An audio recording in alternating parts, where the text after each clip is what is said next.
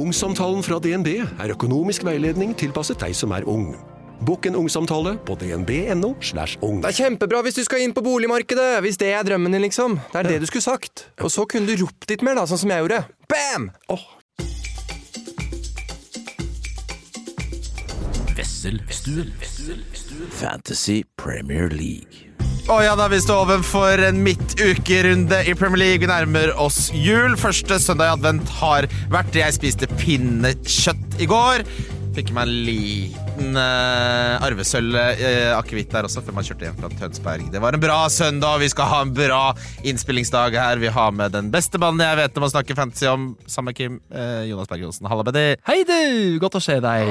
Å, Og fader, tenk deg å komme inn i studio her post dag én etter pinnekjøtt. Ja. Da er sesongen i gang, Ja, ja, ja. og alt det ribbegreiene kan vi legge litt til side. Ja, det jo- Jeg har eh, Det føler jeg meg veldig ferdig med. Det er litt sånn um, eh, Ja, hva skal man si sammenligne det med? Sånn, hvis, for de som er fan av Bill Burr, og be han snakke om den der opplevelsen hans i Philadelphia. Ja, Det er jeg ferdig riktig. med. Ja. Så ribbe Jeg har ikke noe ribbetips. Jeg har gått vekk fra langtingsteking av ribbe. Jeg syns det er jålete. Folk har blitt sånn de skal overgå hverandre så jævlig på den langtingstekinga på ribba. Så det er sånn ah, 80 grader i, i ni, åtte timer. Så er det en som bare Hva med 70 grader i ti timer? Og til slutt så er det folk som bare har ribba liggende i romtemp i en uke før de bare fatter den inn i peisen på slutten. Det skal være så store kontraster på temperaturen! Det er ikke en konkurranse jula handler om raushet! Ti dagers romtemperert ribbe i åpen luft som, som får eh, akkurat fem minutter med svoren i peisen like før servering. Ja. Det vil jeg smake. Der er ytterpunktet. Det er der er vi kommer. Da jeg hadde julebord med gutta her for ikke så altfor lenge siden, skulle vi ha helstekt entrecôte. Ja. Kokken vår, eller han som liker å mele at han er den beste kokken Ja, vi skal jo langtidssteke, sa jeg, men du kommer til meg ti over fem. Vi skal ha Når faen skal vi, når skal vi spise, da?! Skal du reise i tid med den Ja. biffen? Så han, ja, men det er jo langtidssteking hvis vi har den inne i to og en halv time. På 70-80 grader. Er ikke det, altså. Men da er det jåleri. Det er det. Så vi Og- hadde den på 110 i halvannen time. Ferdig. Så Perfekt. må, må folk rett og slett slappe av litt, med, i hvert fall internt i kompisgjenger, og ta på seg den derre Jeg kan faktisk litt om matrollen. Det er en ganske uspiselig rolle. Ja. Det, altså, det, det, det finnes noen bra roller i vennegjenger. Okay, den ene bra rollen er initiativtakeren. Ja. Den, den, Helt vesentlig. Helt vesentlig. Du må ha det, hvis ikke så rakner hele vennegjengen. Hvis ikke så ruster det. Eh, en annen som er bra, er den som eh, er litt sånn, følger med litt sånn hva som rører seg i restauranter og sånn. Som bare det er bra. ja. Det er jo litt sånn samme sjanger som initiativtakeren. Jo, men som eh, gjør researchen, kanskje har litt mer dypvannskunnskap Ja. enn det initiativtakeren som bare er keen på ses. Og Kinderegget, da. Som Mhm. på en måte jeg prøver å leve livet mitt etter, er den som er initiativtaker, tastemaker, men som, som også har litt kontakter. Som bare 'Jeg har ordna bord. Det er ikke mulig å få bord der.' Jo da, jeg bord på varmetaket. Jeg har ikke tenkt på det. Det er kanskje den mest verdifulle og vanskeligste å få tak i. Ja. Jeg kjenner ikke så mange sånne. Kjenner meg. Jeg kjenner deg. Også, men den siste som du kan legge til, er jo fasilitatøren. Altså en som kan eh, legge til rette og, og gjerne hoste Ja. og sånne ting. Men det her kombineres så gjerne med Fasilitetordneren. Ja, Ja, men er eh, initiativtakeren er jo også ofte det, da. Ja, men det har jeg også opplevd at eh, initiativtakeren er avhengig av en god fasilitator for å ha husrom. Ja. For det er, ofte så er det litt utekatt-typer som gjerne har en toroms på Løkka, som Ja. tar initiativet. Bor du i en sånn vaktmester-kjellerbolig på 27 kvadrat uten gulv, så er det ikke så lett å samle til fest. Nei, men da er det desto mer imponerende at du har så mye glød! Ja! Det er så mye initiativ i deg! Komme seg ut av den vaktmesterboligen din. Fins det fortsatt? Det husker jeg, det romantiserte jeg veldig da jeg var liksom ikke visste hva jeg skulle gjøre med livet mitt. Så tenkte jeg, kan ikke jeg bare flytte inn i første etasje på Tøyen og være vaktmester, da? Så er jo problemet at jeg ikke kan en dritt! Nei, Det er problemet, ja, selvfølgelig. Men de går ikke stort sett rundt og banker litt i trappa, børster litt og skifter lyspærer? Jo, det, det jeg håper det. Og så er det jo lufte disse radiatorene, da. Ja, det er klart. De, de skal luftes. Ja, de skal luftes. Jeg gjorde det hjemme sjæl nå. Det var skummelt. Den lukta, da, når du Ja, Ja, det, det, det ligger og borer i litt støv og litt gammel grums nedi der. Fascinerende at det som varmer opp og holder på og driver og lufter lufte som om det er ei bikkje. Ja. Det Samler seg opp i løpet Gammel teknologi, men faen så solid teknologi, da. Ja, gud bedre. Jeg har ikke hatt en strømregning på over 250 kroner nå på ett og et halvt år. I alle dager. Ja, er, det er jo inkludert I varme. dyrtida! Ja, i dyrtida. Nå er dyrtida på Nå er Ja, rentetoppen nådd. Jeg er så lei av den dyrtida at jeg holder på å skyte meg sjæl. Ja. Orker ikke. Vel, vel. Ja, Det vi skal snakke om i dag, Vi har hatt en fancy runde som er Veldig litt sånn interessant runde, vil jeg si. Taylor ti poeng der. Mange som uh, Også så deilig at ingen fikk han inn fra benken, fordi Palmer spilte, Bowen spilte. uh, Watkins spilte. Matty Cash, fikk veldig mye poeng, Ja, Matty. Cash spilte. Mm -hmm. uh, så narrativet var jo litt sånn eller Det alle gjorde, var jo å selge Matty Cash. Det var litt snakk om å selge Watkins, som var litt sånn skadeutsatt, men Du, det Ja. var flere som gjorde et Son, Watkins og Trent ut for å funde Haaland inn. Inklusive min kollega Ørjan Bjørnstad i Viaplay Premier League-studio. Ørjan, da. Tenk det, da. Men det, det, er- Tung minus fire der. det du gjør da, er jo kardinalsynden. Du tar ut fancy royalty, som i 60, ja, si 70 av dette tilfellet var friske. Watkins var meldt tvilsom, jeg er med på den. Ja, Det var det katalysatoren for hele hele ja. tanken, da, ikke sant? Ja, man kan på en måte rasjonalisere seg inn i noen lumske hjørner Ja. dette fantasyspillet. Sånn Altså. ut er det verste der, syns jeg, fordi eh, Ja, for den sa vi på podden også, ikke gjør det. Nei, Ja. Son må beholdes, men han er en av få melkekuer da, for de som har gått uten eh, Erling Braut Haaland en stund. Ja. Og du får jo nesten Trent-verdi i Timicas, trodde man, før man så kampen i går. ja, De gamle er jo eldst. De er det, men Trent syns jeg fortsatt er en dyr spiller å ha på laget sitt. Jeg solgte Trent for ikke så lenge siden, jeg, så jeg skal ikke rope så jævlig høyt i, i kirka. Nå er jo Tsimikas At han blir benka i midtuka, det er en lavoddser. Det kan fort skje. Ja, det, nå blir det Det dere må forberede dere på nå, kjære lyttere, er at nå blir det rotasjon. Darwin Nunes kommer ikke til å starte den kampen her. Er du så sikker? Ja, Gakpo kommer til å spille spiss der. Han bommer såpass mye at han må litt inn og ut av he- heatet der. Nå var det ganske mange som kjøpte Darwin, en del for Watkins, noen Ja. for Alvarez. Og så sitter de og hyler og skriker i tråder. Fy faen, så ufortjent! Darwin, liksom, er det mulig? Ja, men du har jo sett disse kampene før. Dette, Det er ingen som bommer på flere store sjanser per 90 minuttene i dette var jo det du kjøpte! Ja. Var, Og så er det uflaks, ja, men det har vart og vart og vart. Eh, kjempefrustrerende. Sala trer han gjennom, og så svir han. Da ryker kanskje kapteinspoengene dine på assisten der, og alt i tillegg. Så jeg forstår, men jeg forstår vi, som- også ikke. vi som ikke Altså, vi som cappa Ja, egentlig så kunne Sala og Haaland hatt 15-20 poengere. Eh, Det er helt riktig. Sala var enda verre, egentlig, syns jeg. Ja, men han hadde ikke så mange sjanser. Ja, han hadde to, to store, da. Hadde han det? Han Ja, to store. Darwin hadde to Ja, store. han- Sala hadde stemmer to det. store. Like før pause der, blant annet.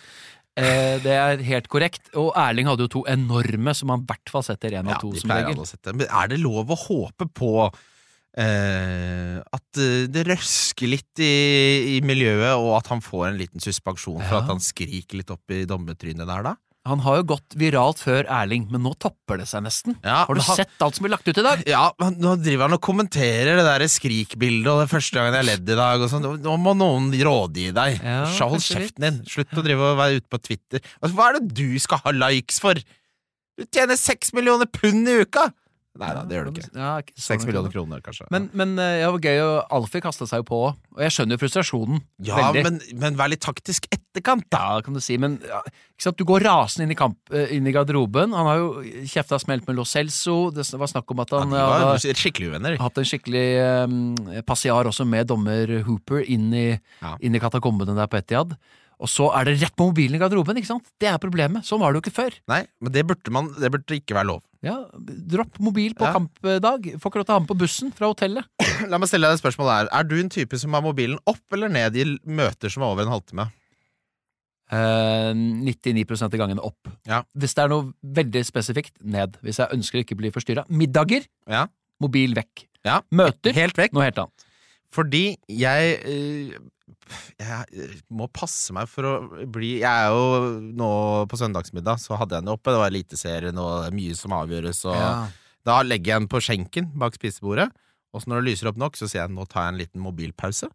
I middagen. Bare 30 Gå sekunder. på toalettet, liksom? Eller bare ta telefonen? nei, jeg går og titter mens, alle, hvis det er litt sånn oppbruddsstemning, og noen henter mer kålrabi Ja, eller ja. et eller annet sånt. da, Ikke sant? Men den derre eh, på teaterkafeen, og så bare dunke nedpå iPhone 13 Pro Fax, det liker jeg ikke. Nei. Nei. Nei, nei, altså eh, I middagslaget sånn, så syns jeg det er helt flående på. Det skal, da bruker jeg heller litt lengre tid på toalettet innimellom. Ja, Og, og går gjennom skikkelig hvis det er Og særlig sånn som søndag ettermiddag. Så mye på en gang. Ja. Det er jo et av de store problemene med å ikke jobbe så mye på søndag ettermiddag, er jo når man da eventuelt må i middag. Ja. Litt sånn med, om det er med kjæresten, svigers, eh, familieopplegg. Da er det noen tunge søndager. Søndag sånn klokka fem pleier mamma og pappa å invitere. ja. Det er jo dårlig timing for Men mye, altså. Men der kan vi gi et tips til lytterne. Det, du fremstår som et så mye bedre menneske. Du får mye mer ut av mobilpausene hvis du bare 'Jeg skal bare på toalettet'. Så er du der i fem minutter. Mm. Ingen ser det, ingen legger merke til det. Du kan gjøre det i ro og mak, så slipper du å være den personen som er over 30 som driver og sjekker telefonen mens du er på Så går du også glipp av City Tottenham 3-3, samtidig som Vålerenga holder på å rykke ned fra Eliteserien, og det plinger og det Men hvis det er så skjermer. farlig, da takker du nei til invitasjonen! Ja, men det er, ja, og det er ikke alltid så lett å gjøre det. Nei, men Kan det du ikke bli med til svigers denne ene men- gangen, men da, Kristian? ja, men da må du stå i neiet. Ja. Jeg, jeg driter jo i det. Jeg ser det i opptaket. Det gjør ikke meg noe. Jeg trenger ikke å se fotball. ikke sant? Jeg kan se det på VG Live. Ja, sånn, Ja. Men folk må bli flinkere til å si nei. Ja. Så må bli flinkere til å sette grenser. Og apropos eh, å si nei, er det en spiller som du tenker nå Folk skal inn, folk skal inn som du, som du ikke har tro på. Jeg syns ikke det er så veldig store bevegelser, egentlig, i eh, åpenbare. Den, jeg syns det er mange åpenbare. Ja! Skal vi kanskje heller begynne på den enden? Ja, ut med Åpenbar ut eller åpenbar inn? Åpenbar inn. Ok. Dubravka til 3,9. Ja. Da- Den må vi snakke om. Pope ut i fire-fem måneder. Ja. Allerede gått rykter om en klubbløs DGA inn i januar. Hva tror du om det? Jeg tror Jeg har krangla med min bestevenn på jobben, Rolf, om det. Eh, fordi For det første så må lønnsønsket hans ganske drastisk ned. Lønnsstrukturen til Newcastle er rigid. De har unnlatt å signere mange spillere fordi det ville ødelagt lønnsstrukturen, og den har de ikke gått bort ifra. Det er en del av strategien til Ashworth. De kommer ikke til å gå bort fra den. Så kan det jo sies da at han går med på å senke lønnskravene, men så er det jo sånn Hvorfor har han vært klubbløs så lenge? Jo, fordi han vil ha et prosjekt han tror på. Jeg tror ikke han vil være en seks måneders rental, eller ja. fem måneders rental, som det jo blir sånn teknisk sett. Så da blir det litt sånn Hvorfor skal han gå ned i lønn for å være en short term? For Pope er førstevalg. Jeg tror ikke de har, har tenkt til å på en måte sjekke om DGA er bedre enn Pope, og så får han være andre Nei. keeper. Dubravka har vært en god keeper for oss tidligere. Det som kommer ut av Newcastle, er at han skal få sjansen. Eh, men at hvis det ikke er godt nok, så henter de igjen i januar. Ja, for Jeg husker tilbake til den fasen der hvor Dubravka var det han som spilte, og så kom Darlow litt inn fra sida som litt yngre Stemmer og utfordret, for Dubravka var litt skada og sånn. Stemmer det. Og så virker det som stjernen til Dubravka har fallert. Altså, den har bare blitt øh, ja. sunket fælt. Er, var ikke han en veldig god keeper i den perioden han var fast i Newcastle for tre-fire-fem år siden? Det er siden? 100 korrekt. Det var akkurat det som skjedde. Han var soleklart førstekeeper. På et tidspunkt så hadde han flest clean sheets i hele Premier League også. Ja, han var jo fantasyvalg i- fantasyvalg i den tida der også. 18-19, eh, men så har han hatt en veldig rar karriereutvikling, for det lugga, og så kom Darlow inn og, og, i skade og tok over, og så ble han jo lånt ut til Manchester United da, en grunn, hvor han ikke For å være på nummer to der. Ja, øh, og så likte han ikke det og ble, ble henta hjem av Eddie Ja. Howe. Og så har han jo, virker det som han har en god standing i laget. Så altså, kampprogrammet hans, eh, de kampene du får da med med um, godeste Dubravka si fram til uh, De neste seks-åtte har jo Newcastle veldig fint program. Ja, de har tre bortekamper neste fire. Everton, Ever, Tottenham. men det er Everton, Spurs, Fulham, Luton, Nottingham Force, så er det City, uh, nei, Liverpool City. Så fram til 1. januar, Ja. det er gullkamper. Ut desember er det veldig bra. og det er jo da man skal ha han. De neste kampene til godeste Areola, som ikke har skåra mer enn poeng, nei, tre poeng siden Gameweek 7. Det er lenge siden. Det er lenge siden. Mm. Og de kampene hans, da, Spurs, og så er det liksom Han roterer ganske ok med Dubravka, var det noen som påpekte. Det er her, og det det er for så vidt riktig. Så hvis du er i en situasjon i dag hvor du har to bytter, og du ikke helt vet hva du skal gjøre, så syns jeg Turner til Dubravka er en no-brainer. Ja, men uh, særlig to freeties, uh, freeties Ja. så er det, en- det er noe jeg absolutt ser på, for jeg har to Ja. bytter. Jeg vurderte jo så vidt det var forrige uke å gå inn Kelleher på et enda kortere eh, engasjement. Her får du lengre tid. Men her får jeg lengre tid, og sannsynligvis eh, Altså, jeg- Nå er det litt spesielt for min del, som har igjen wildcard. Mm. Og den lille bøtteballetten der, ehm, som da skal svi det i Gamic 19 eller 20, rett på oversiden av eh, blanken, som vi har i 18. Mm. Eh, der er jo Dubravka og sånne short term punts enda mer interessante, egentlig. Ja, og Um, for ikke snakke om Samtidig tror jeg Dubravka kan, med mindre det kommer en uh, sterke indikasjoner på at de gjør noe 1. januar, og Dubravka kanskje har spilt dårlig, så tror jeg egentlig at han kan være med videre inn potensielt resten av sesongen. Det tror jeg også. Hvis Pope virkelig er ute så mange måneder. Og det Ja, og- ser jo altså, sånn det er andre gangen han tar skulderen ut av ledd. Det er fire til fem måneder. Jeg spurte eh, Ole. Ja, riktig. Uh, men jeg trodde at hvis man først hadde fått uh, skulderen ut av ledd én gang, skulle man bare vippe den Jo, på, men, var man jo, men problemet da er at det som holder den på plass, blir svakere og svakere. Så da kan det skje en tredje gang, og da til slutt så må du ta den vekk. Ja, Uff da. Cato Zahl Pedersen? Han skal være med Farmen kjendis. Hva som skjedde? Jeg slutta jo ikke å trene fotball. så Har du måtte- sett casten til Farmen kjendis? Ja, Jeg ble sittende i går kveld, halv tolv på kvelden, og se TV2s presentasjon av Farmen kjendisdeltakerne. Det er så bra, det. Det er hun Bjørg er? Toralsdatter, eller hva hun heter, og så er det hun gærne, hun kunstneren, Unni som er naken overalt hele tiden, Unni Askeland. Anne-Kat. Hærland skal være med! Helt Og så er det han mest gærne av de alle. Han der med tanngarden fra Tyrkia og spraytan. Christian Benhovd. Yes! Christian med C uten H. Og så er det Emma Ellingsen. Hun som var gutt og ble jente. Og så det, det er en cast. Og for ikke å snakke om Emilie Voe. Altså- Så du den klinevideoen? Oi, Om jeg har, jeg, du, jeg har sett jeg, det Hvis den dukker opp, den klinevideoen, så har jeg sendt den til alle jeg kjenner to minutter etterpå. Fordi jeg har fulgt henne lenge. Ja. Altfor lenge. Ja. Og Siden du var flink. 14 og hun var 12? Nei da, hysj. Hun, var, hun har vært kjendis i 20 år Ja, snart. jeg leste bloggen hennes, jeg. Ja. Ikke tenk på det. Jeg var på blogg.no og var inne og titta. Men ikke titta, men inne og leste. Ja, det er lov. Eh, det var ikke noe sånn Husker jeg sikkert reflekterte og ålreit om det Hun var den beste av de unge bloggerne. Hun har alltid vært ganske sånn veslevoksen og, Ja. og, og hadde det Hun det jo enorm. Ja, men, ja, hun var den, største, altså den store norske bloggkjendisen, men uansett poenget er at hun har jo da funnet en sånn finansmann som hun syns er veldig kjekk, og så sier hun fortsatt 'typen min', som om hun er 13 og skriver i eh, Hva het de der eh, bøkene som jentene hadde? Toppbøkene! Ja, ja, ja. Hvor de skrev sånn 'topp ønske', det var å dra på klatring og kline med en finansmann og sånn. Så det er prima! Og det var en presentasjonsvideo hvor alle da tydeligvis hadde fått Ok, hva gjør vi med deg, Unni Askeland? Ja, jeg tar en øl med eh, Espen Thoresen. Ja. han er min kompis. Takk skal du så folk var litt sånn ute og gjorde litt forskjellige ting. Og så hun hadde valgt å møte kjæresten, for det, dette er da spilt inn på vårparten. Ja. Dette er jo en stund siden den gikk, på, mm, gikk i, i, i kamerarullene. Mm. Og det var sol og sommer, og hun møtte sin nye, nye type, som hun var altså stormer forelsket i. Og så oppfordret hun til mer tunge, at de skulle kysse litt mer. Det, og, og, litt det, mer og det viste Ja. de! Ja, Ja, kom og tunga det ut! var, litt, det var litt atypisk henne, egentlig. Var det ikke det, da? Jeg skvatt litt.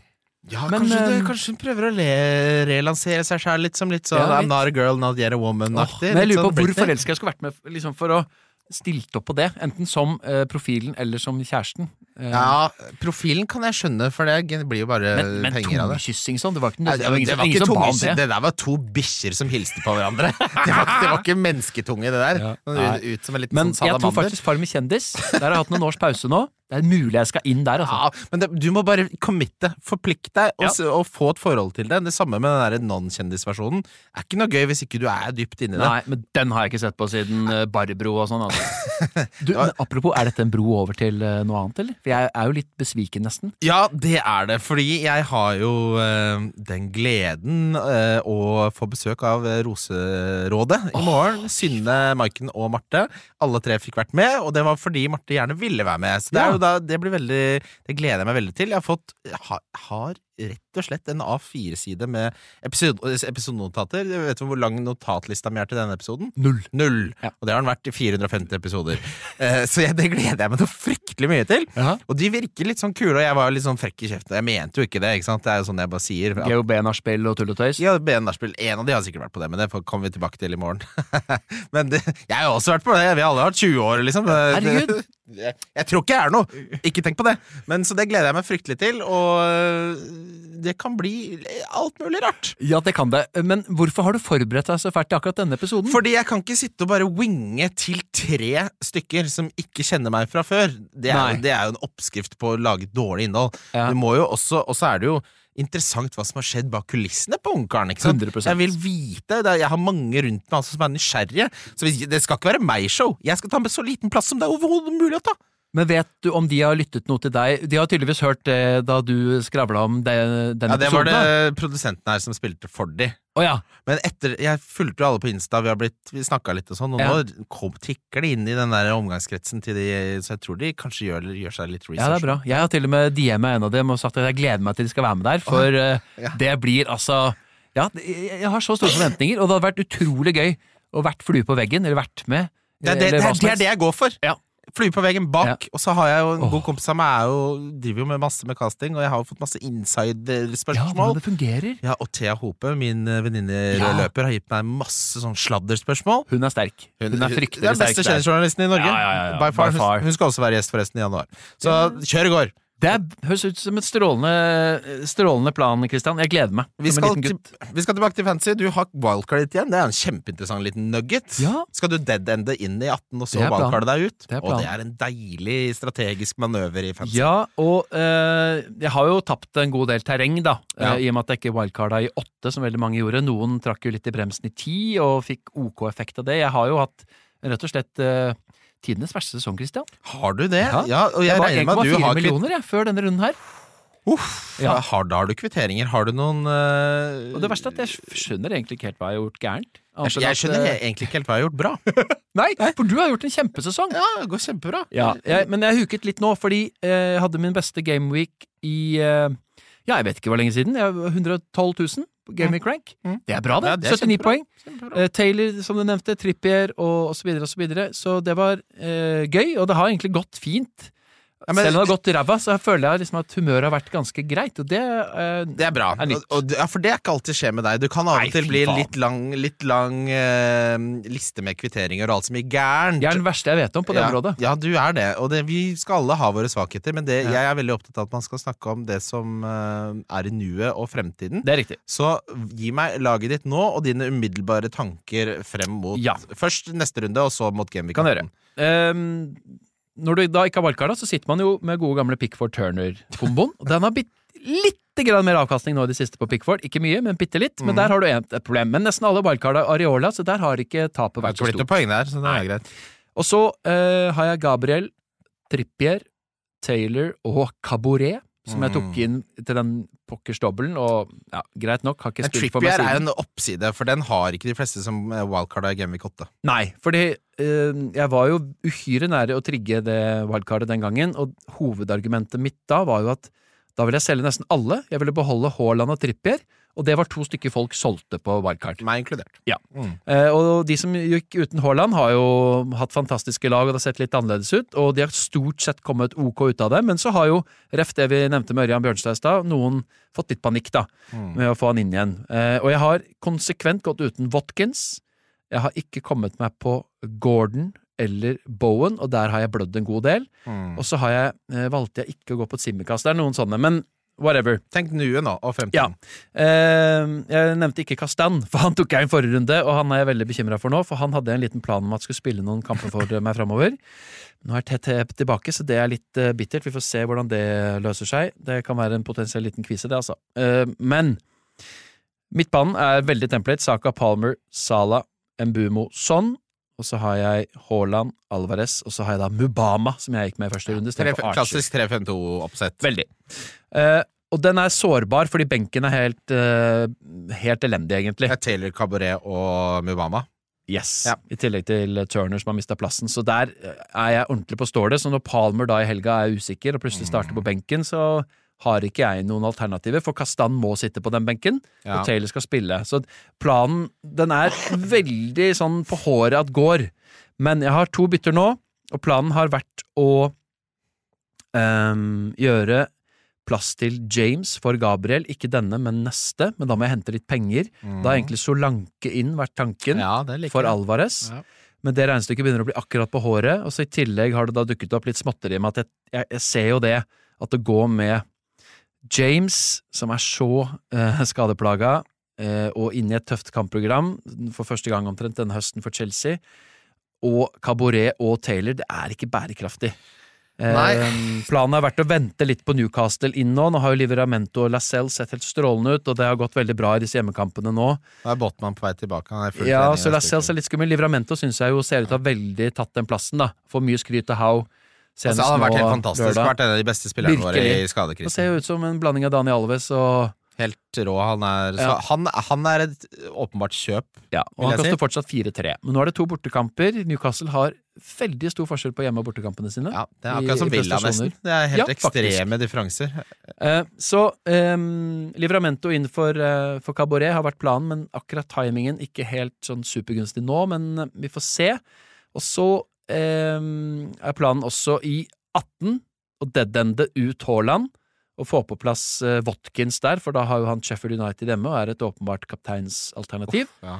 Og eh, Isak i tillegg for Mubama i den, og dermed stille Watkins, Solanke, Isak, eventuelt Darwin, Mm. det kan være aktuelt Mm. som et alternativ, eller hvis det skulle dukke opp noen andre. Det kan hende at Wilson allerede nå er tilbake i trening, sies det. Han er jo alltid på vei inn eller ut. La meg bare si det, det som en Newcastle-supporter. Selv om han er tilbake i trening, den hamstringen er den 19. gangen ryker nå. Han Ja. kommer ikke til å spille noe særlig, bortsett fra på en måte komme innpå fram til Gameweek 20. Ok, ja, Ja. Hvis det er tilfellet, eh, Det er det, det, sånn, det, sånn har matcha han tidligere også, når den hamstringen flare up. Så er altså, Vanlige folk da, så har det to til tre uker. Han er en 33 år gammel mann som Ja. har hatt hamstringproblemer siden han var 20. det tar dobbelt så lang tid. Så bare Isak kommer ikke til å spille alt fordi han har spilt veldig mye, men at Callum Wilson bare skal inn og starte der nå, i juleprogrammet, nei. Nei. Ja. Um, og uansett så tenker jeg at minuttene til Isak, med så mange andre skader, også, så kan jo han plutselig få litt spilletid ut til venstre. Hvis Ja, de jager en kamp, og at begge får spille samtidig, osv. og så snakke om det faktum at han har tredd best non-penalty XG etter Haaland og Salah? Ja. At han tar straffer og spiller for et av ligaens beste eh, angrep? At han nesten er nailed for å spille 90 i hvert fall tre-fire runder til. Ja, så han er et strålende kjøp. Jeg, har hatt kjempelyst på han. Men som du hører, da, så har jeg hatt null handlingsrom finansielt. Jeg skjønner det. Så, og, og når Alvarez er min nest dyreste spiss, så har jeg vært bundet litt på hender og føtter og sittet og svettet over Botkins, Darwin og Isak nå i ukevis, Mm. føles det ut som. Um, så det føles litt lenge til runde 17-18 når disse gutta skal liksom begynne å komme inn. Ja, Men det du gjør nå, da, at du gjør det man alltid gjør når man har store problemer. Du begynner med det mest overkommelige først, sånn at du får fremdrift. Ikke sant? Begynn med Hvis du ikke er noe glad Nå ser det helt jævlig ut, det er søndag, det har vært nachspiel. Vet du hva du gjør da? Da tar du fram eh, The Pink Stuff-sprayen din, og så begynner du med kjøkkenbenken. Rydd den, og få spraya den ned, og så baller det på seg. Så du får rett og slett inn Livramento inn der på Forsvaret. Ja. Så har du be er du bedre skikka på forsvarsplass. Du begynner å få bedre tropp, begynner å ikke måtte hele tiden føle deg så låst, og så kan du gjøre de større movesa når de passer seg, for nå er det litt sånn at du får lyst til å gjøre store moves. Det er ikke alltid så smart. Men hør nå. Eh, hvis jeg skal få inn Livramento, da mangler jeg 0-1. Nei. Jeg har bare 0-2 i banken. Da kan støttebyttet mitt være Turner Til til Braka. Men da låser jeg meg ut av Isak.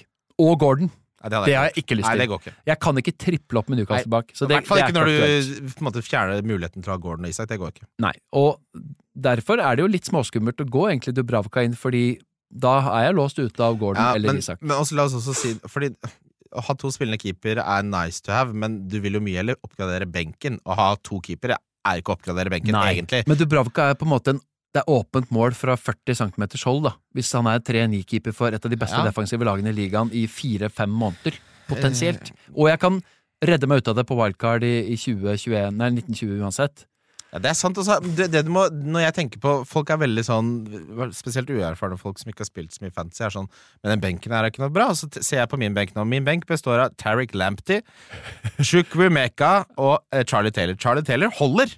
Fordi det er den som Altså, ok. Darwin kan bli rotert for 20 minutter. Han kommer ikke til å bli hvilt i 90. Nei. Ellers så er det ingen som er rotasjonsutsatte, bortsett fra Lacelle, men der kommer jeg til å ta grep innen Botman kommer. Så det er litt sånn Det holder med én på benken fram til de ikke gjør det. Det er riktig. Men nå er det akkurat den tida hvor det er sju runder på en måned. Det er Carabao Cup Ja.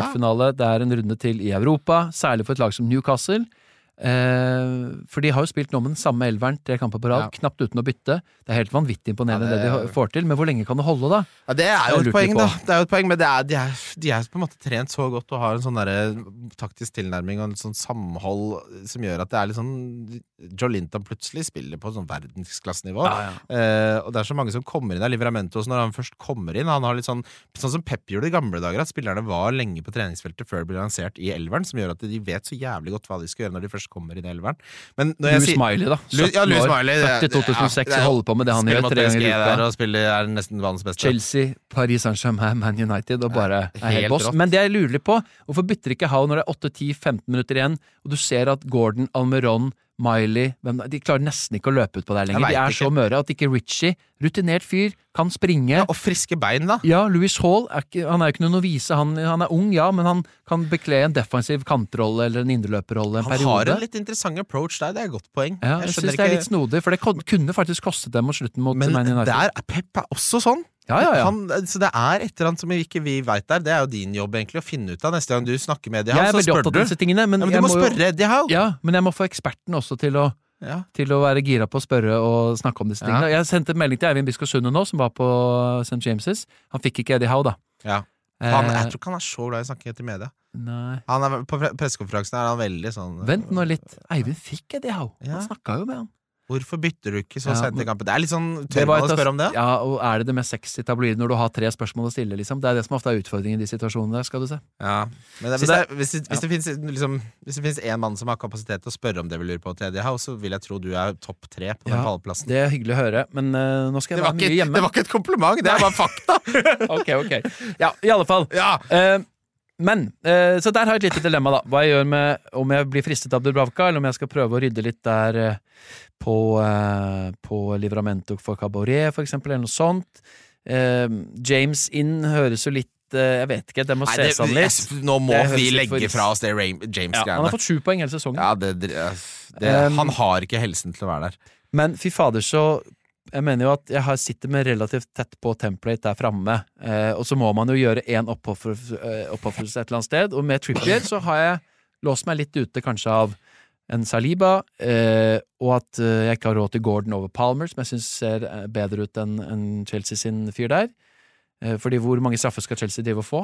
Nei, og, og han mister de straffene på et tidspunkt. Kan da. tenkes. En kunku er på vei tilbake. Ja, og så er Alvarez Han syns jeg nå også er bitte litt i bedring. Skårer det avgjørende Ja. målet mot, eh, mot Leipzig, og er, han var veldig god i går. Og Han sto jo igjen lenge. Han var den, han snakka om at han måtte selge altså Han hadde, var så kreativ. Han hadde fire nøkkelpasninger. Kjempegodt involvert. Kunne hatt en uh, skåringsinvolvering der Skudd i stanga. Skudd i stanga. Og så, når jeg sier at jeg skal, jeg skal spare bytte, men det er jo Jeg har jo tenkt å gjøre moves eh, med mine to bytter neste.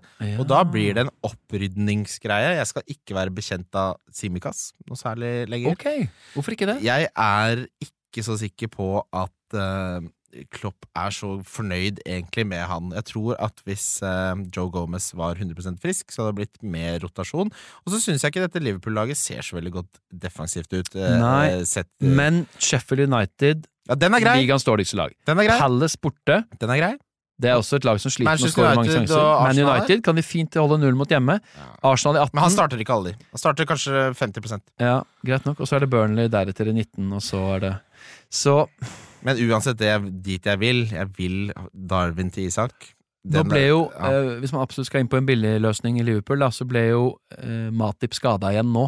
Ja. Og han er jo da fort ute en stund, så da må Konaté inn. Men han man stoler jo ikke på det, om han har ikke lyst på Konaté heller. da, da begynner man å lete for hardt. Man Gi meg litt. Men meg- forsvarsspillere, da? Ja, Pedro Porro, Ja. nummer nei, Jeg vil rangere uh, sådan. Trippier, åpenbar nummer én. Eh, jeg har Trent på nummer to. Pedro Porro på nummer tre. Og masse budsjett å høre. Eh, ja, men jeg sier jo de beste. Ja, ja, Og så har jeg Livramento jeg, på nummer fire. Eh, og så Det hadde vært gøy hvis Badiashil eller noe der fra Chelsea til 4-4-draget var ja. tilgjengelig. Ja, ja. Men kjør eh, Ja, nei, Reece James det- er ferdig med. eh, Pedro Porre er jo på alt av dødballer også den som er forventa å skåre mest poeng neste rundene. Mm. Um, Udogi litt bak der, han har også fire gule, så den er litt uggen. Men Romero er tilbake nå Det mot Westham, det hjelper. Eh, Dog er det ikke sånn at det renner inn med smultringer hos Spurs, Men da. hvem er det det renner er inn det, med det er smultringer ingen, hos? nesten. Nei, det er Newcastle på hjemmebane. Ja, Og. Villa kanskje på hjemmebane. Ja, de har sluppet De har Ja, vunnet de mye 3-1 og 4-1 ja, og sånn. 5-1 og 6-1. Mm. Ja, så det er liksom Og Arsenal har flest clean sheets. Men vi må forholde oss til markedsrealitetene, og markedsrealiteten er at clean sheets er i manko denne sesongen. Ja, det er helt riktig. Og da vil jeg ha en Pedro Porro som er en av de beste bekkene vi har sett. Altså, han spiller så bra for Spurs. Ja. Og har masse avenyer til poeng, det er det vi elsker. Ja. Han spiller så, bra at han, han har plutselig sånne eksplosive kamper i seg også. Ja. 5,2 har han gått opp til 5,3, kanskje. Noe sånt. Eh, Han er faktisk et fantastisk eh, kjøp, altså. Pedro Porro har jeg høyt oppe. Eh, og Trent nå, han er nailed? Han er helt frisk. Eh, og hvis, du har mulighet til å på en måte få en annen Men det er klart, jeg skjønner nå at det er eh, mellom to wildcard, der folk er blakke før lønnen, på en måte. Det er den viben der. Og det er ikke så mange store moves man skal gjøre. Man skal finjustere. Og hvis man har Saka, Salah, Son, Haaland, Alvarez, for eksempel, som meg, så er det begrenset hva man får gjort. Så da må man finpusse. Og da tenker jeg Livramento, eh, Dubravka, den type spillere er fine justeringer. Jeg Ja. syns også at det er verdt det. Selv om det er Sheffield United, så tror jeg dette er runden man skal være såpass kompromissløs at Darwin blir til Isak. Nei! Jo. Seriøst? Tror ikke han starter. Men allikevel, 30 minutter på Bramall Lane, er ikke det bedre enn uh, Isak mot 80 Ever- mot Everton? Syns du det? Isak, Kanskje det er var ikke kanskje- Isak helt formidabel på Goodison i våres? Jo. Hadde der dribleridet på venstresida der og sånn, det mener jeg. Jeg, oh. og, og Isak er på straffe, vet du. Det har Jeg, jeg tror liksom Ja, for det er du også helt trygg, trygg på, 100, når Wilson ikke spiller. 100%. Eh, gode poenger her. Men, men eh, hva gjelder det egentlig spørsmålet som vi nesten rota oss inn i starten der, mm. hvem er det vi skal selge, eller som det er liksom overdreven hype rundt? Der vil jeg slenge inn uh, denne doblingen av Arsenal-forsvar, Ja, som en det del holder på med. heller. Det har gitt litt avkastning nå i det siste, men nå tenker jeg etter Luton at det er slutt. Ja. Og særlig Zinchenko, Nå ble Tomiyasu eh, så godt som det går med Arteta-uttalelser friskmeldt. Hope is fine. Yeah. Det kan jo tenkes at det blir White inn igjen eh, mot Luton, og så Zinchenko venstreback, men deretter har altså han ukraineren der har rota så mye eh, innenfor mål. Ref nå nå mot Wolves. Akkurat det du Og de har. Villa borte i 16, det blir ikke clean shit. Brighton hjemme i 17, det blir ikke clean shit, det er jeg nesten helt sikker på. Mm. Liverpool borte, det er to-tre mål i banken, dessverre. Og så begynner det å bli litt bedre igjen, med Westham, Fulham, Palace. Men Forest. starter ikke i alle de. Nei, Og, da, og de han starter, så får han ett poeng. og har man råd til å ha forsvarere nå som ikke skal ha kamp i 18 og sånn? Fordi jeg skal nå dead ende til en viss grad. Ehm, vi får se hvordan det blir seende ut, men de fleste her må jo ta veldig hensyn til 18 også. Ja, jeg tenker jo på det, Mm. eh, og har det med i beregningen, og har sett litt på altså for, Bare for å ta de spillerne du vil ha i 18, så er det spillere fra Aston Villa Newcastle. Eh, og jeg skal også lansere en jævlig freidig eh, liten diff der, som har Burnley hjemme i 18, men det kommer vi tilbake til. Så men tenk litt på det. Det er jo derfor jeg hentet Kastang. Ja, ikke sant, lyttere, at er, eh, Brentford og City spiller ikke. Det er, de fleste har i hvert fall tre Ja, men kanskje ikke mer enn to heller, da. Jeg sier to-tre, da. Men da har du, hvis du allerede har en død benk, og du har én spiller der, og det er Charlie Taylor, og du har to fra Brentford City, så er du allerede i manko. Så er det ikke verdens undergang å mønstre ti spillere av og til heller. Det må vi også huske på. Jeg synes folk overvurderer Særlig det. sånne runder som det. Ja. Det kommer til å bli en relativt lavskårende runde. Eh, Men- Husk at også Tottenham har veldig fin kamp her, da. Ja. Det øker jo aksjene til Porro. Ja, og en av grunnene til at man ikke skulle solgt sånn, men det å på en måte få pensla seg inn på Fordi altså, eh, Liverpool der møtte Arsenal hjemme. Jeg tror nok at jeg skulle gjerne hatt Watkins som kaptein hjemme mot Sheffield United i den kampen der, altså. Det blir, um, Hvis Villa ser ut som de har fortsatt å gjøre, og det gjør de jo etter alle solemerker, så um, er jo Watkins veldig bra å ha der. Han er jo også en som svir noe så inn i helskotten med sjanser, da. Det er jo litt gøy. Det er han, Haaland og Darwin som, som svir flest, eh, og Salah er også oppi der. Ja, men de beste spillerne, de som scorer mest og gjør Ja. det best, spiller mest. Det er sant nok. Vi skal videre til lyttespørsmål. Hvem er den beste til eh, 4,5? Hva er den beste uteserveringa i Oslo? Er Ronaldo en must-have? Hvem skal jeg ha i mål? Lytterspørsmål. Yes, vi begynner med din kollega, og av de jeg har møtt for første gang i 2023, eh, kanskje den hyggeligste. Eh, Andreas Hopen, sportsjournalist i Viaplay. For en fornøyelse der. å møte- Jeg møtte ham på Måka. Litt sånn påseila, begge guttene. Eh, var veldig eh, hyggelig mann. Han spør Stemmer det. Hvem er den beste fantasyspilleren av godguttene. Av deg og meg? Ja. Oi, oi, oi. altså, det må jo være en som vesler, og en som har kronisk uflaks. Så vi har begge gode argumenter for at um, vi er den beste, men Skal han gå kvalitativt eller kvantitativt frem for å avgjøre det? Vi kan jo bare legge sammen snittranken, for eksempel. Ja, der knuser jeg jo. Jeg tror ikke det. Jo, jo. Hva er din beste ranka Min beste rank er 228. i verden? Ja. da vinner du. Det er lenge siden. Men Ja, min eh, beste er 3555, og det var i 2011. Det er, det er Ja, 12 det år siden. ja, ja, ja. Nei, du um... Jeg kom, men 2021, altså 2021-sesongen kom jeg på 4500 plass, da. Ja, og du har hatt en sesong eller to eller tre hvor du har slått meg ganske klart, altså. Så det er ikke Men- det det nødvendigvis Jeg, handler om. jeg tror det vi kan For å svare ikke altfor omfattende, så er vi veldig forskjellige spillertyper.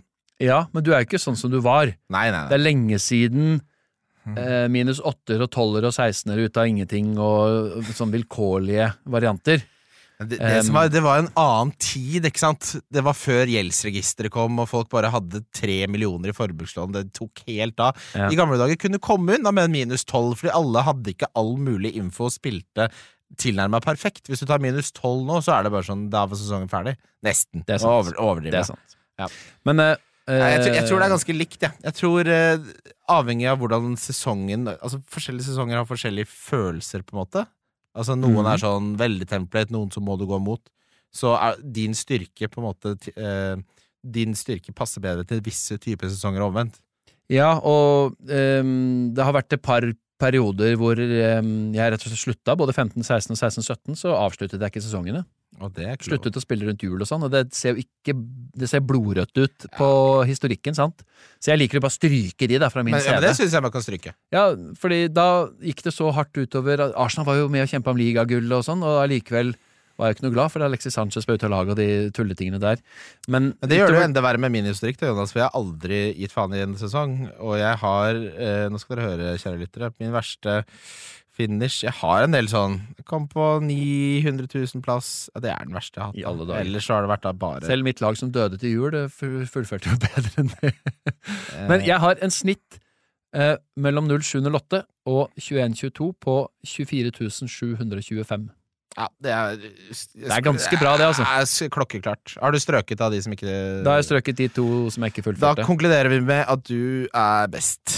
Enkelt og greit. Så hyggelig. Ja.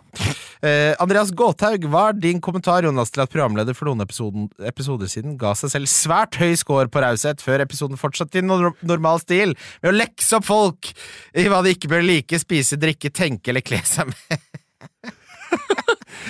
Det er et veldig bra spørsmål! For de som har hørt denne podkasten og deg snakke i både din egen og forhenværende gjennom ti år, så er jo det det minst overraskende jeg har hørt i hele mitt liv. Eh, hva da? At du eh, utpassionerer raushet, men også samtidig eh, sterk kritikk av mange som gjør motsatt av det du selv ville gjort i enhver situasjon. Men mitt poeng har aldri vært at jeg er raus med alle. Jeg er raus med de som eh, jeg har Som tenker likt som meg. Ja, Ja, riktig. det Ja, men går jo an. jeg- er veldig raus med mine, Stemmer. men de andre er jeg veldig lite raus med. Så det er en god observasjon, Andreas Gotthaug. Ja, det og jeg tenkte spesielt på det den episoden der, det er jeg for så vidt enig i. Men jeg hyller det. Det, Ja. det er jo det halve dette konseptet handler om. Ja, ja, ja. Du skjønner selv, Andreas, at man kan ikke lage podkast og sitte og være, være raus med alle. Nei, Hva er og, det du lager da? å være enig med siste taler og bla, bla, bla. Da- Det går ikke. Jeg har hørt en del sånne podcaster. De har 230 lyttere, og så gir de opp etter seks episoder fordi ingen hører på. Um, hva er det beste med å være midten av eh, slash slutten av 30-årene, spør Benjamin Sæsj. Um, det beste er jo at du kan leve livet akkurat sånn som du gjorde for 10 og 12 år siden, bare at at du gjør penger. det med bedre fundament. Ja, og penger. Og pengene er bedre òg, det er Ja, det er et fundament, da. Ja, ja. Fundament, men også, ikke sant, eh, alt er på plass Ja. i stor grad. Ja. Jeg har jo en del sånne huller Ja. eh, som en del andre har fylt ut, da. Ja, den, apropos mainstream, eller Ja. eh, den rette vei, eller den main, vanlige veien å gå. Så, men jeg, jeg syns jo livet er helt strålende. Altså, Aldri vært bedre. nei, virkelig ikke. Det blir bedre og bedre. 30-åra har vært bedre i 20-åra. Og vet du hva som er fantastisk? Min eh, favorittperson i hele verden, min storesøster, hun er jo nå 40 eh, Ja, hun blir 40 i sommer. Det blir bedre i 40-åra, sier hun. Ja, Ja. Og min svoger, som er min nest, nest beste, Ja. han blir 50 nå. Det blir enda bedre. Altså, det blir bare bedre og bedre. Så ikke, hvis du er 20 år og syns det går litt trått, ja. stå, Og ikke gi opp. Ikke gi opp, stå i det, ikke gjør noe store sånne Ikke ta for store grep og alt sånn. Og så det går seg til eh, Hvis du er litt sånn usikker kjørende. det går seg alltid til. Det Ja, seg det til. tror jeg nesten alle er. Ja. Og tenåra er enda verre. Og jeg vet ikke hvor gamle lytterne dine er, Kristian. Sikkert mange som er rundt der. Det er mye rundt 20-åra. Vi hadde nok litt å gå på da vi var 20, 22, Ja, ja. 25 eh, kontra i dag. Ja, Det skjer jo litt. Gud bedre. Men det er så deilig. Det er 30, 30 Hva er det Så, men aller, aller, aller beste, hva er det aller, aller beste, da? Vennegjengen er kuratert. Du har blitt ferdig med sånn dårlige folk. Det er de bra igjen. Man har sluttet å dra så mye ut på byen, og man drar heller på middag til hverandre. Så samværet med andre er mye hyggeligere. Mm. Man er blitt flinkere på å si nei, sånn at man gjør mer de tingene man er glad i. De øh, vennene du har vokst opp med, begynner å få barn. Og det er liksom sånne store ting. Og så kan du velge selv om du vil ha det eller ikke. Og så har du, som du sier, fundamentet, så du har liksom råd til å velge mer gøye ting. Så slipper du usikkerheten, forhåpentligvis, rundt det der hva skal bli, hva skal jeg være-greia. Så du er mer satt. Så det er egentlig ingen ulemper med Det er bare positive ting ved å være 30 slash midten av 30 versus 20. Ja, nei, men det var fasit, det der. Ja, den, øh, den sitter. Uh, hva er riktig sokkehøyde? Morten Lund?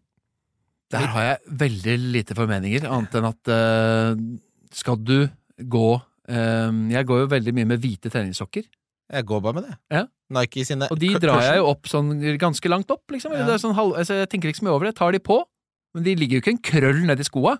Men de er ikke langt oppå leggen heller. Jeg ser den viser Christian fram. Midt på. Midt på. Ja, men jeg vet ikke hva er det hva Kanskje er han mener, fot mener fotballsokka? Ja, kanskje. Fotballstrømpene. Ja. Jeg syns Graylish drar den for langt, da.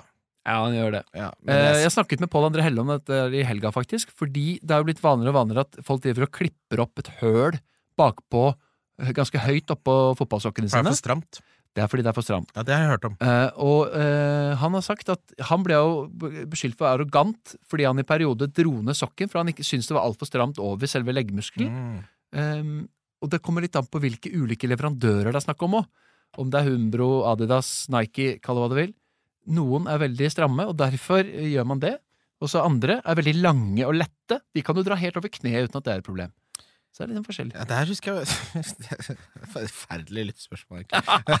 vi går videre. Eh, to eh, Jonas-spørsmål her. Hvordan, eh, vi begynner med en veldig morsom historie som er litt sånn sagnomsust i det norske fotballmiljøet. Kan du være så snill å fortelle litt om når TV-bilder og kommentator datt ut fra Aspmyra, og du måtte begynne å kommentere slash filme fra telefonen på sidelinja? Ok! Ja, eh, det var altså seriepremieren i 2022, var det vel. Bodø-Glimt skulle møte Rosenborg. Kjetil Rekdal der oppe i 5-3-2, og det var mye haus. Så går strømmen på stadion. Og så har jo jeg en sånn live-funksjon med regien hjemme i Oslo som jeg kunne koble meg opp på. Og så ringer produsenten og sier 'Strømmen er nede, vi har ikke bilde fra kampen, kan du filme?'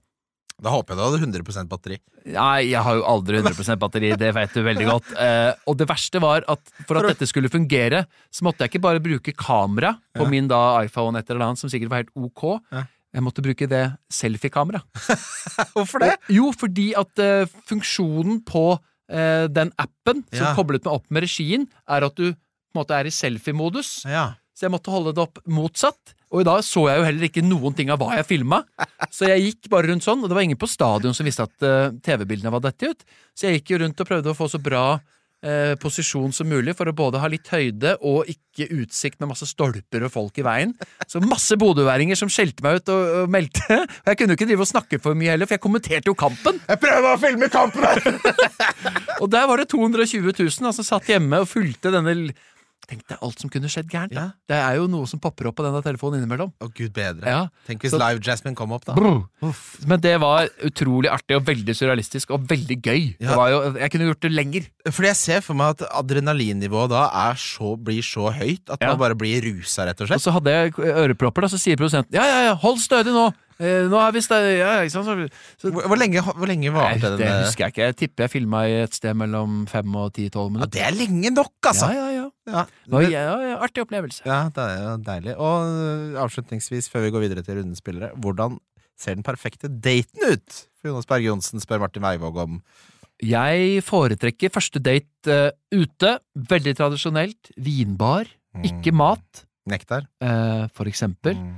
Eller en av de andre fine vi har rundt omkring på Ja, nettopp. På Løkka. Mm. Og at stemningen blir så god at man drar videre og gjør noe annet. Ja. Eh, det kan være Jeg har opplevd det. Dra på syng. ja. På første date! På første date. Det er, Hun og jeg. det er ja, for En onsdag. etter Vinbaren, ja! Eller torsdag. Etter Etter Vinbaren. Ja. ja det, det her er, nå, nå snakker vi. For det å, å begynne på syng. Vi gikk fra tra, Tratitorie til Tratatoriet, Mm. og så skulle vi opp og synge langs Akerselva der. Og så kommer vi, sier han nei, vi stenger nå. Det er eh, onsdag, liksom. Halv ett. Greit, da tusjer vi ned til den ved Sentrum Scene. Tar den turen. Inn der. Er alene i det største rommet på syng fra ett til kvart over tre og gaule låter. Fy faen. Tenk det. Det, gjorde, det ble ikke oss to. Det er ganske utrolig. Men ble det en date nummer to? Ja, ja, ja. Det ble date eh, Tre og både fire og fire og fem. Ja. Neste date var en mandag. Det var litt grått og mørkt, og det var liksom fisk til middag. Ja, man kan ikke dra på date på mandager. Nei, det, det, har jeg, det er første bud, faktisk. Det ja. ryker på nå i høst en gang eller to òg. Ja, Styr unna. Ja, det er én ting jeg har funnet ut av At jeg kan gjøre på mandager. Sånn, så det er å spille en podkast, for det kan gå. For da er jeg fremdrift får sitt gjort, få dritt Ja. gjort-modus. Men ellers andre sånn sosiale ting på mandager, nei, da er det hjem og se på film. Ja. Um, ok. Men det mener jeg, Eller så kan man godt bjuda på med gjøre noe hjemme eller noe sånt, eller finne på noe. Men Er ikke det litt tidlig første jo, date? Ja, da er det bare rett fordi man vil én ting. Da. ligge, da. Ja. Men jeg Da er mener at du skal bli kjent med et menneske. Hvorfor skal du da klatre, eller gå på eh, forestilling av noe slag, eller Du må jo kunne prate helt nedpå. Og eh, hvis folk Noen har jo den noia at det er i offentligheten. Kanskje han eller hun ikke ser ut som du hadde håpa, og da er det jo bare å Ok, to-tre øl, da. Kjenne på det med en gang. Ferdig. Og så stikke derfra. Særlig venninner av meg, de halser jo hjem etter to øl. Ja, ja. De orker ikke. Hyggelig å møte deg. Jeg må hjem. Ja, Det er ikke noe farlig.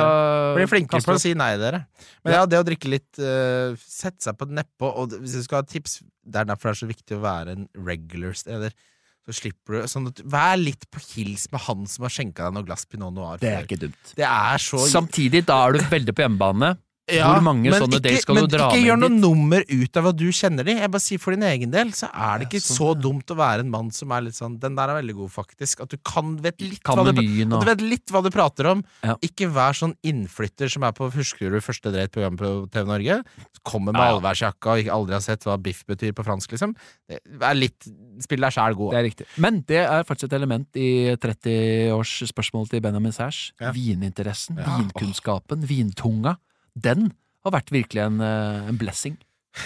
Det Vi er trenger ikke begynne å snakke om pinot noir nå. vi, vi skal ikke det, men det er det av mange ting som har skjedd meg i 30-åra. Den mat- og vininteressen er det jeg har fått mest glede av, uten, Mm. utenom de menneskelige tingene. Ja. Ja. Vi skal videre til rundespillere vi. Kaptein. Ikke lov å velge Haaland. Kan kritere dere? Ja, han er jo gått opp i pris. Bare ta en fra United, det. Rundens spillere. Kaptein Jonas, det er eh, for meg ingen alternativ. Hvis du ikke har Salah, så hadde jeg vært veldig bekymra. Men det blir Mohammed Salah. 100 100 Eh, Forsterkes jo av narrativet Villa mot City uten Rodri, kanskje Ja. uten Doku, uten Grealish. eh, Absolutt. og generelt litt sånn eh, styr nå Ja. mot laget som har vært Englands beste hjemmelag denne sesongen. Eh, 100% Det er Salah. Jeg hadde vært forferdelig redd hvis jeg ikke hadde han. Altså. Ja, virkelig. Eh, Det kan bli Anders Lone Fosse i 20-variant. Netta- ja. Nettavisen har ikke han. Nei, det, sånn kan det gå. Eh, Sånn er jo også et bra alternativ. Saka borte mot Luton. Det er, fin, det er masse gode Ja. alternativer. Det kan bli en høytskårende runde, dette her. Luton og Sheffield United er jo de lagene som er dårligst forsvar så, i ligaen. som både, ja. På differential så har jeg en som ligger uh, nøyaktig uh, på grensa. Gått litt under radaren. Phil Foden. Du, din eh, nye venn Andreas Hopen sitter jo fortsatt med Foden og Ja. har gjort det i ukevis. Har, Har du sett best, hans historikk, da? Ja, men han har de beste underliggende tallene av alle for City. Altså, Ja. Bortsett fra Haaland. Sånn, Ja. Så der er det en explosion imminent. Som vi hadde en sånn eh, Excel-tabell som vi pleide å I gamle dager, før expected goals, så hadde vi en uh, statistikk sånn greie som het explosion in- imminent. Hvor vi så på masse faktorer med en spiller som ikke hadde scora siste fire, men som hadde underliggende tall som tilså at han kommer til å score snart. Phil Foden hadde toppa den hvis det var 2013. Um, Skåra mot Tottenham òg. Ja, han, League, han har altså eh, sikrere minutter enn noen gang. Mm. Særlig med tanke på mangel på konkurranse og disse skadene og sånn. Ja, Eh, Jeg tror jo at det er en fin anledning eh, for en differential i en spiller som har fått 11, 1, 10 og 9 poeng de siste fire kampene. Mm. Fem målpoeng. Ser ut som den desidert beste spilleren om dagen i denne klubben. Mohammed Kudus. Ja, Han har også en veldig lav eierandel. Borte mot Tottenham. Ja, det ser ikke optimalt ut på Vi papiret. var jo inne på han for tre runder siden. Ja, ikke sant? Men den kontringsstyrken der, høye Tottenham-backer, høy linje, alle disse tingene, lokal det er en god derby diff. Hva er eierandelen her, da? Den skal vi se her nå. Den er på 3 Ja. Eh, Og jeg liker han. Én ting for denne runden, så er det Fullern borte, Wolves hjemme, Man United hjemme. Helt ok kamper. Så har de Arsenal borte, tøft i jula, men så er det Brighton, Sheffield United, Bournemouth. Westham ser ok ut. Eh, og han ser ut til å være deres beste spiller. Og så har du et par i Tottenham også som har veldig lav eierandel. Kulusevski og, og, Lo Celso. og Lo Celso, ja. Og Johnson, som jeg syns var også Ja, veldig Bernt god i går. Mm. Så der, der er det noen løse løse Det er en del det er diff- ja. ja. men det er så satt framme! Det er vanskelig. Hvem Drit skal det. ut? Jeg driter i hvem som skal ut. Du Ja. tenker bare isolert sett. Stemmer det. Nå skal du høre et eh, ikke, Jeg ville ikke kalt det et gufs fra fortiden, men noe hyggelig fra fortiden. Han har 0,5% eierandel, har vært innom Chelsea, var en tur nede i Brasil der. Er på straffer og spiller hjemme mot Nottingham Forest. Vi skal til William Borges da Silva. En av de mest høflige og søte spillerne å Ja. intervjue etter kamper. Eh, og han har altså en ting er, Han har to hjemmekamper nå. Forest så Westham, Newcastle så bra. mener jeg Så er det Burnley og Bournemouth. Han er Fire av fem er, Det er derfor jeg har Kastan på laget mitt! Ja, men, og jeg elsker straffetagere som spiller hjemme. Mm. Ja. Bra, William er Han fikk seg en hvil nå på Anfield, da. Ja, Det skjønner jeg godt, for de skal bruke han i de, eh, de gode kampene. Nei, må vi prøve litt. Donkey avslutter vi med, Jonas. Donkey denne runden. Eh, Erling Haaland. Ja. Det tror jeg. Uavhengig av suspensjonen, så er jeg enig i den. Jeg tror uh, at uh, Villa kommer til å bite fra seg mot City, og jeg tror uh, Ja, kanskje Haaland Det kan tale til hans fordel. Jævlig revansjelysten. Han Ja. kommer til å være sprekkeferdig utpå der. Jeg tror Men jeg ikke tror det det taler blir- til hans fordel. Jeg, jeg tror heller det taler til hans bakdel. holdt Jeg på å si. Ja. Jeg tror er, jeg tror ikke du vil ha en overivrig Haaland eh, for et City-lag uten Nei. Rodri mot eh, Villa, som har vært et av ligaens beste hjemmelag. Ikke nødvendigvis defensivt, da, men Det med det er høy linje, da. Men den har jo funka på hjemmebane. vet vi jo ikke helt ennå. Eh, men det er i hvert fall ikke nå. Sannsynligvis ikke i nærheten av å bli suspendert i helga heller. Kan Nei, kan få en bot og sånn. Hele City er jo for øvrig en etterforskning for bråket etter Tottenham-kampen. Ja. Um, Det blir noe som, Noen konsekvenser blir det, men å ta Haaland ut i Ja, kanskje en ja, kamp. det er ikke sikkert de rekker å få gjennom hele behandlingen han skal ha komme uttalelse osv. til Palace hjemme i 17. gang. Nei. Det er nesten det viktigste her. For hvis han blir suspendert etter det én kamp, så har han jo da ingen kamp i 18, men i 19 da begynner vi å snakke. Da kan man enkelt selge han inn i 18. Ja, det er et godt poeng. Ja, så kan man Eh, prøve å få han inn igjen da til 20, for da har du Sheffield United hjemme. For de som av en eller annen grunn har gått uten Sala, men skal cappe Haaland nå mot Villa, da tror jeg de blir skuffa. Da hadde jeg heller tatt Saka mot Luton. Det er eh, Jeg er enig. Jeg har ikke Haaland visekaptein engang, jeg, altså. Nei, bra. Det har jeg. Det skal jeg endre nå. Uh, veldig hyggelig å se deg, Jonas. I like måte. Uh, sist var det ene spørsmålet du ville stilt til Roserådet i morgen. Åh. Um, altså, de opplagte er jo sånn Hvorfor meldte du deg på? Hvordan var det bak Altså, de Jeg, der. vil ha ditt ene spørsmål, Men- så stiller ja. jeg det fra deg. Okay. Uh, når Maiken står der på siste dagen og får eh, spørsmålet om hun vil ha rosen, og at hun blir med videre, hvordan var magefølelsen? Hun, måtte hun si ja? Var hun så forelska som hun ga uttrykk for? Eller skjønte alle involverte her, også på hennes dialog? Spill for galleriet. Ja, og Ja. litt sånn, de, sånn som tonen de ulike hadde med hverandre, disse jentene som var i finalen. Det virka liksom ikke som om det hadde helt trua på det. Det tror jeg ikke Det Eh, blir spennende å finne ut av. Ja, Åh, jeg gleder meg så jævlig til denne episoden her. Deilig! Takk for at dere hører på. Gi oss gjerne en rating på Spotify og Apple Podcast. Legg gjerne igjen eh, en anmeld også hvis du har lyst til det. Det er så hyggelig å lese, og da får vi litt sånn boost. Eh, Snakkes eh, snart. Ha det. Hei då!